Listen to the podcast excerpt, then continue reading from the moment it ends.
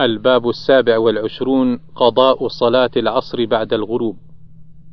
221 عن جابر بن عبد الله رضي الله عنهما أن عمر بن الخطاب رضي الله عنه يوم الخندق جعل يسب كفار قريش وقال يا رسول الله والله ما كدت أن أصلي العصر حتى كادت أن تغرب الشمس. فقال رسول الله صلى الله عليه وسلم فوالله إن صليتها. فنزلنا إلى بطحان فتوضأ رسول الله صلى الله عليه وسلم وتوضأنا فصلى رسول الله صلى الله عليه وسلم العصر بعدما غربت الشمس ثم صلى بعدها المغرب. أخرجه البخاري 596 الباب الثامن والعشرون في الركعتين قبل المغرب بعد الغروب. 222 عن مختار بن فلفل قال سألت أنس بن مالك رضي الله عنه عن التطوع بعد العصر فقال كان عمر يضرب الأيدي على صلاة بعد العصر وكنا نصلي على عهد رسول الله صلى الله عليه وسلم ركعتين بعد غروب الشمس قبل صلاة المغرب. فقلت له أكان رسول الله صلى الله عليه وسلم صلاهما؟ قال كان يرانا نصليهما فلم يأمرنا ولم ينهنا. الباب التاسع والعشرون وقت المغرب إذا غربت الشمس. 223 عن سلمة بن الأكوع رضي الله عنه أن رسول الله صلى الله عليه وسلم كان يصلي المغرب إذا غربت الشمس وتوارت بالحجاب. أخرجه البخاري 561 الباب الثلاثون وقت صلاة العشاء وتأخيرها. 224 عن عائشة رضي الله عنها قالت أعتم النبي صلى الله عليه وسلم ذات ليلة حتى ذهب عامة الليل وحتى نام أهل المسجد ثم خرج فصلى فقال إنه لوقتها. لولا أن أشق على أمتي. أخرجه البخاري 566 الباب الحادي والثلاثون في اسم صلاة العشاء. 225 عن عبد الله بن عمر رضي الله عنهما قال قال رسول الله صلى الله عليه وسلم لا تغلبنكم الأعراب على اسم صلاتكم العشاء فإنها في كتاب الله العشاء وإنها تعتم بحلاب الإبل. الباب الثاني والثلاثون النهي عن تأخير الصلاة عن وقتها. 226 عن أبي ذر رضي الله عنه قال قال لي رسول الله صلى الله عليه وسلم كيف أنت إذا كانت عليك أمراء يؤخرون الصلاة عن وقتها أو يميتون الصلاة عن وقتها؟ قال قلت فما تأمرني؟ قال صل الصلاة لوقتها فإن أدركتها معهم فصل فإنها لك نافلة. الباب الثالث والثلاثون أفضل العمل الصلاة لوقتها. 227 عن عبد الله بن مسعود رضي الله عنه قال سألت رسول الله صلى الله عليه وسلم أي العمل أفضل؟ قال الصلاة لوقتها. قال قلت ثم أي؟ قال بر الوالدين. قال قلت ثم أي؟ قال الجهاد في سبيل الله. فما تركت أستزيده إلا إرعاء عليه. أخرجه البخاري 527 الباب الرابع والثلاثون. من أدرك ركعة من الصلاة فقد أدرك الصلاة. 228 عن أبي هريرة رضي الله عنه أن رسول الله صلى الله عليه وسلم قال من أدرك ركعة من الصلاة فقد أدرك الصلاة. أخرجه البخاري 580 الباب الخامس والثلاثون من نام عن صلاة أو نسيها فليصلها إذا ذكرها. 229 عن أبي قتادة رضي الله عنه قال خطبنا رسول الله صلى الله عليه وسلم فقال إنكم تسيرون عشيتكم وليلتكم وتأتون الماء إن شاء الله غدا. فانطلق الناس لا يلوي أحد على أحد. قال أبو قتادة فبينما رسول الله صلى الله عليه وسلم يسير حتى ابهار الليل وأنا إلى جنبه قال فنعس رسول الله صلى الله عليه وسلم فمال عن راحلته فأتيته فدعمته من غير أن أوقظه حتى اعتدل على راحلته. قال ثم سار حتى تهور الليل مال عن راحلته. قال فدعمته من غير أن أوقظه حتى اعتدل على راحلته. قال ثم سار حتى إذا كان من آخر السحر مال ميلة هي أشد من الميلتين الأوليين حتى كاد ينجفل فأتيته فدعمته فرفع رأسه فقال من هذا؟ فقلت أبو, قد أبو قتادة. قال متى كان هذا مسيرك مني؟ قلت ما زال هذا مسيري منذ الليلة. قال حفظك الله بما حفظت به نبيه. ثم قال هل ترانا نخفى على الناس؟ ثم قال هل ترى من أحد؟ قلت هذا راكب. ثم قلت هذا راكب آخر. حتى اجتمعنا فكنا سبعة ركب. قال فمال رسول الله صلى الله عليه وسلم عن الطريق؟ فوضع رأسه ثم قال احفظوا علينا صلاتنا. فكان أول من استيقظ رسول الله صلى الله عليه وسلم والشمس في ظهره. قال فقمنا فزعين. ثم قال اركبوا. فركبنا فسرنا حتى إذا ارتفعت الشمس نزل ثم دعا بميضأة كانت معي فيها شيء من الماء. قال فتوضأ منها وضوءا دون وضوء. قال وبقي فيها شيء من ماء. ثم قال لأبي قتادة احفظ علينا ميضأتك فسيكون لها نبأ. ثم أذن بلال بالصلاة فصلى رسول الله صلى الله عليه وسلم ركعتين ثم صلى الغداة فصنع كما كان يصنع كل يوم. قال وركب رسول الله صلى الله عليه وسلم وركبنا معه. قال فجعل بعضنا يهمس إلى بعض. ما كفارة ما صنعنا بتفريطنا في صلاتنا. ثم قال أما لكم في أسوة؟ ثم قال أما إنه ليس في النوم تفريط إنما التفريط على من لم يصلي الصلاة حتى يجيء وقت الصلاة الأخرى. فمن فعل ذلك فليصلها حين ينتبه لها فإذا كان من الغد فليصلها عند وقتها. ثم قال ما ترون الناس صنعوا؟ قال ثم قال أصبح الناس ففقدوا نبيهم. فقال أبو بكر وعمر رضي الله عنهما رسول الله صلى الله عليه وسلم بعدكم لم يكن ليخلفكم. وقال الناس إن رسول الله صلى الله عليه وسلم بين أيديكم. فإن يطيعوا أبا بكر وعمر يرشدوا.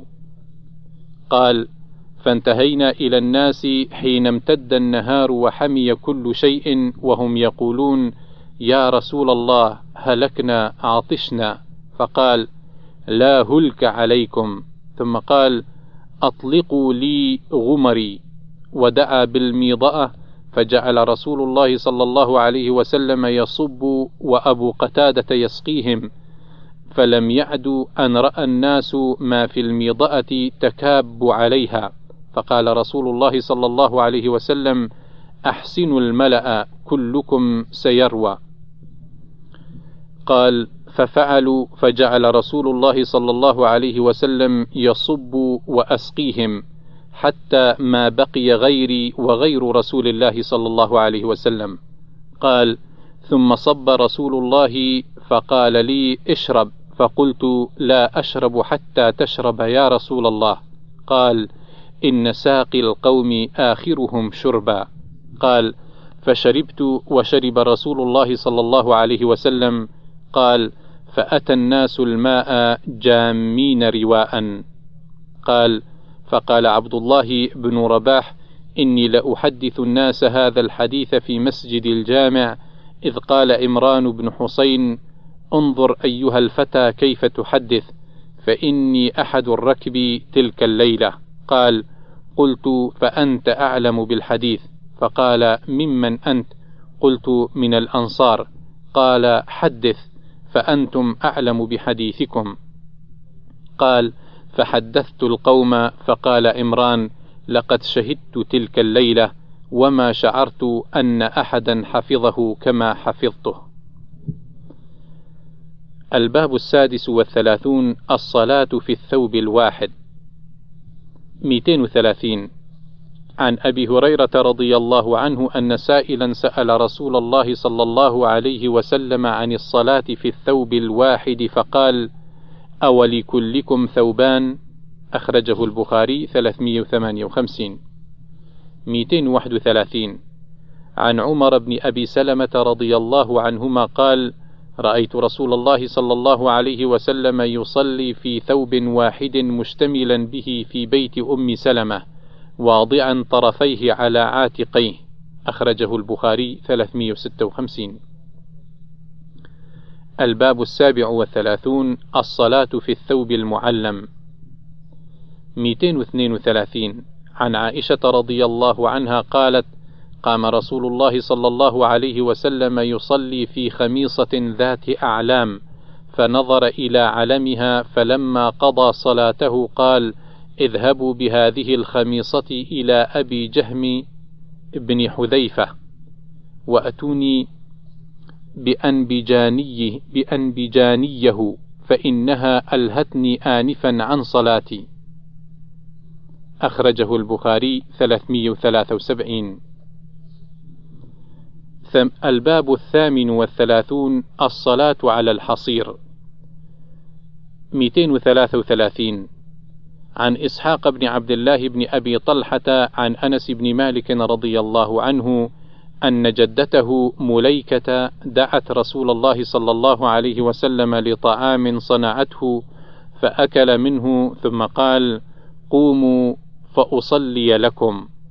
قال أنس بن مالك: فقمت إلى حصير لنا قد اسود من طول ما لبس، فنضحته بماء فقام عليه رسول الله صلى الله عليه وسلم وصففت أنا واليتيم وراءه والعجوز من ورائنا فصلى لنا رسول الله صلى الله عليه وسلم ركعتين ثم انصرف. أخرجه البخاري 380 الباب التاسع والثلاثون الصلاة في النعلين. 234 عن سعيد بن يزيد قال قلت لأنس بن مالك رضي الله عنه أكان رسول الله صلى الله عليه وسلم يصلي في النعلين؟ قال نعم. أخرجه البخاري 386 المساجد. الباب الأربعون. أول مسجد وضع في الأرض. 235 عن أبي ذر رضي الله عنه قال قلت يا رسول الله أي مسجد وضع في الأرض أول؟ قال المسجد الحرام. قلت ثم أي؟ قال المسجد الأقصى. قلت كم بينهما؟ قال أربعون سنة. وأينما أدركتك الصلاة فصلي فهو مسجد. أخرجه البخاري 3366 الباب الحادي والأربعون ابتناء مسجد النبي صلى الله عليه وآله وسلم. 236 عن أنس بن مالك رضي الله عنه أن رسول الله صلى الله عليه وسلم قدم المدينة فنزل في علو المدينة في حي يقال لهم بنو عمرو بن عوف فأقام فيهم أربع عشرة ليلة. ثم إنه أرسل إلى ملأ بني النجار فجاءوا متقلدين سيوفهم. قال: فكأني أنظر إلى رسول الله صلى الله عليه وسلم على راحلته وأبو بكر ردفه وملأ بني النجار حوله حتى ألقى بفناء أبي أيوب. قال فكان رسول الله صلى الله عليه وسلم يصلي حيث أدركته الصلاة ويصلي في مرابض الغنم ثم إنه أمر بالمسجد قال فأرسل إلى ملأ بني النجار فجاءوا فقال يا بني النجار ثامنوني بحائطكم هذا. قالوا لا والله ما نطلب ثمنه إلا إلى الله عز وجل. قال أنس فكان فيه ما أقول كان فيه نخل وقبور المشركين وخرب. فأمر رسول الله صلى الله عليه وسلم بالنخل فقطع وبقبور المشركين فنبشت وبالخرب فسويت. قال فصفوا النخل قبلة وجعلوا عضادتيه حجارة.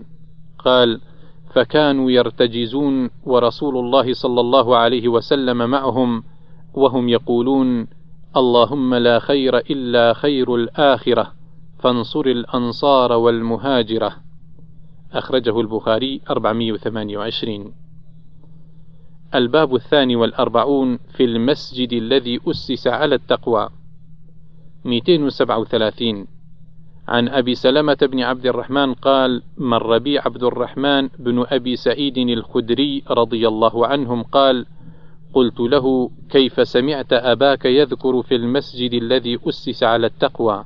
قال قال أبي دخلت على رسول الله صلى الله عليه وسلم في بيت بعض نسائه فقلت يا رسول الله أي المسجدين الذي أسس على التقوى؟ قال فأخذ كفا من حصباء فضرب به الأرض ثم قال هو مسجدكم هذا لمسجد المدينة. قال فقلت أشهد بأني سمعت أباك هكذا يذكره. الباب الثالث والأربعون فضل الصلاة في مسجد المدينة ومكة. 238 عن ابن عباس رضي الله عنهما أن امرأة اشتكت شكوى فقالت إن شفاني الله لأخرجن فلأصلين في بيت المقدس.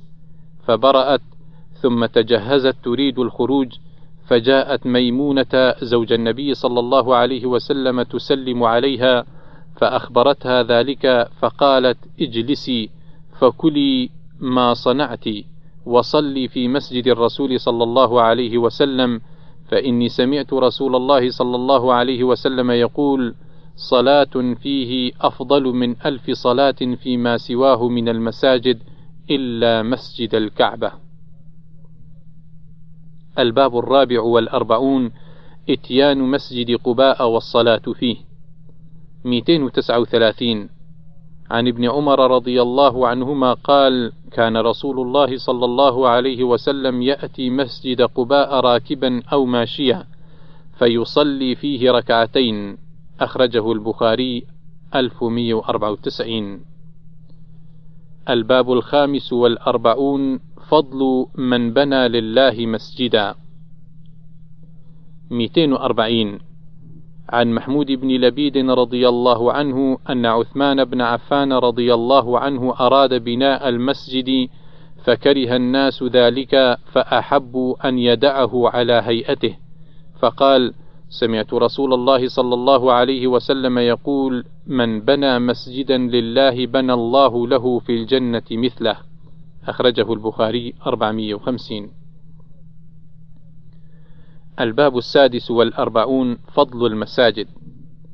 241 عن أبي هريرة رضي الله عنه أن رسول الله صلى الله عليه وسلم قال أحب البلاد إلى الله مساجدها وأبغض البلاد إلى الله أسواقها. الباب السابع والأربعون فضل كثرة الخطى إلى المساجد.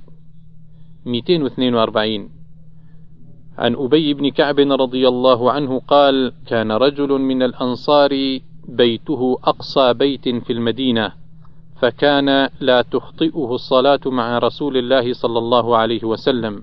قال فتوجعت له فقلت يا فلان لو أنك اشتريت حمارا يقيك من الرمضاء ويقيك من هوام الأرض قال أما والله ما أحب أن بيتي مطنب ببيت رسول الله صلى الله عليه وسلم. قال فحملت به حملا حتى أتيت نبي الله صلى الله عليه وسلم فأخبرته. قال فدعاه فقال له مثل ذلك وذكر له أنه يرجو في أثره الأجر. فقال له النبي صلى الله عليه وسلم إن لك ما احتسبت. الباب الثامن والأربعون المشي إلى الصلوات تمحى به الخطايا وترفع به الدرجات 243 عن أبي هريرة رضي الله عنه قال قال رسول الله صلى الله عليه وسلم من تطهر في بيته ثم مشى إلى بيت من بيوت الله ليقضي فريضة من فرائض الله كانت خطواته إحداهما تحط خطيئة والأخرى ترفع درجة. الباب التاسع والأربعون إتيان الصلاة بالسكينة وترك السعي.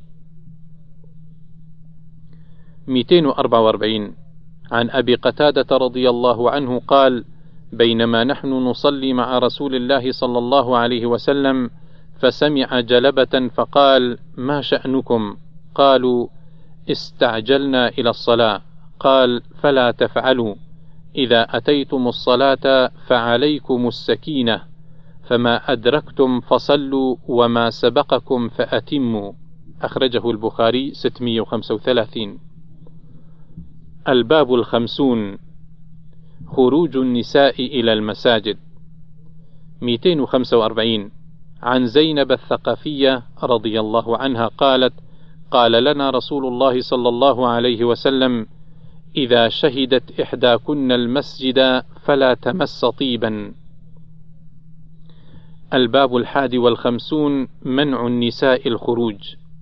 246 عن عمرة بنت عبد الرحمن أنها سمعت عائشة رضي الله عنها زوج النبي صلى الله عليه وسلم تقول: لو أن رسول الله صلى الله عليه وسلم رأى ما أحدث النساء لمنعه لمنعهن المسجد كما منعت نساء بني إسرائيل.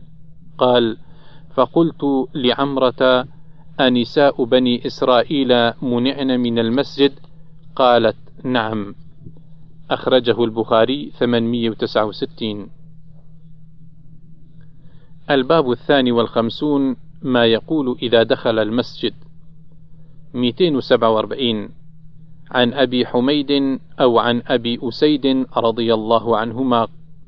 قال رسول الله صلى الله عليه وسلم إذا دخل أحدكم المسجد فليقل اللهم افتح لي أبواب رحمتك وإذا خرج فليقل اللهم إني أسألك من فضلك.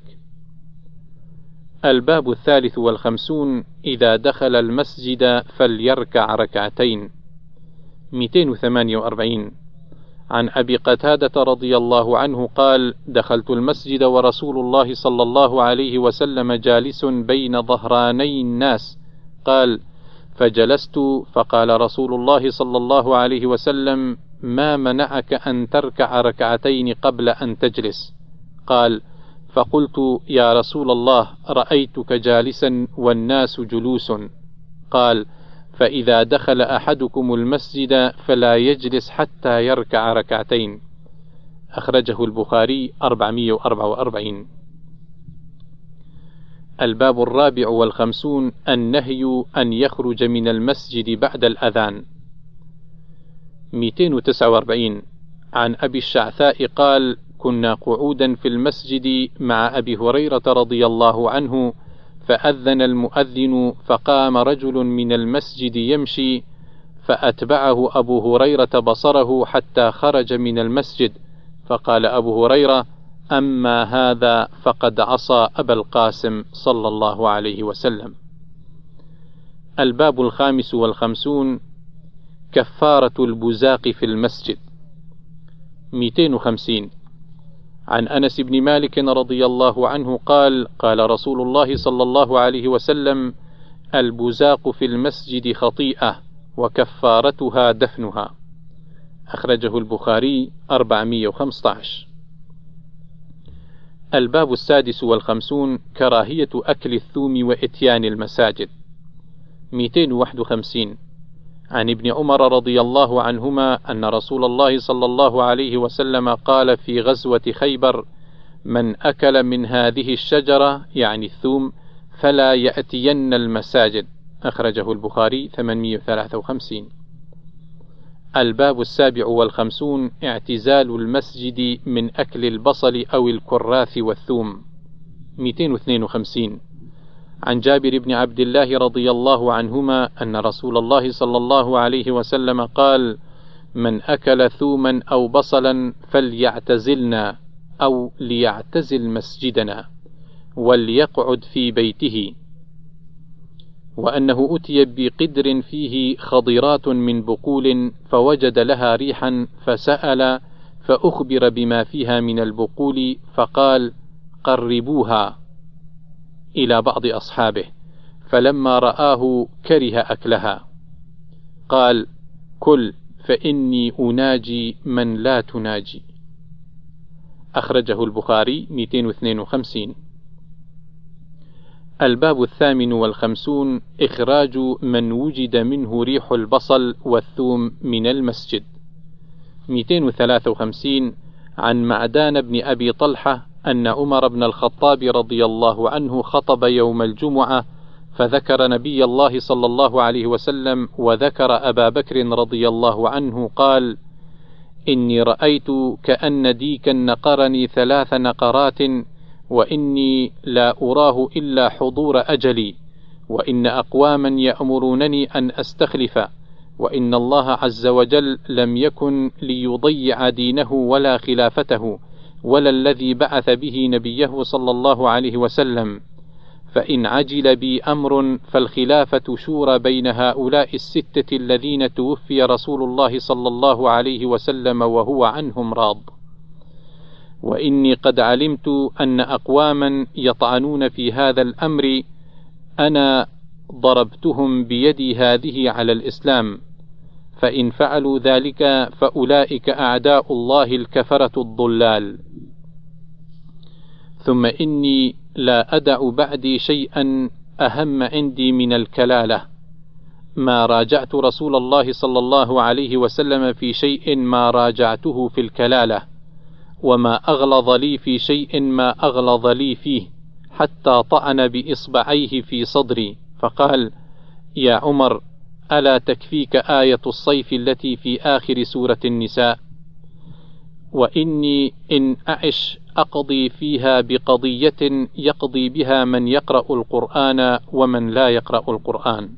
ثم قال اللهم إني أشهدك على أمراء الأمصار وإني إنما بعثتهم عليهم ليعدلوا عليهم وليعلموا الناس دينهم وسنة نبيهم صلى الله عليه وسلم. ويقسموا فيهم فيئهم ويرفع إلي ما أشكل عليهم من أمرهم. ثم إنكم أيها الناس تأكلون شجرتين لا أراهما إلا خبيثتين هذا البصل والثوم. لقد رأيت رسول الله صلى الله عليه وسلم إذا وجد ريحهما من الرجل في المسجد أمر به فأخرج إلى البقيع فمن أكلهما فليمتهما طبخا. الباب التاسع والخمسون النهي عن أن تنشد الضالة في المسجد.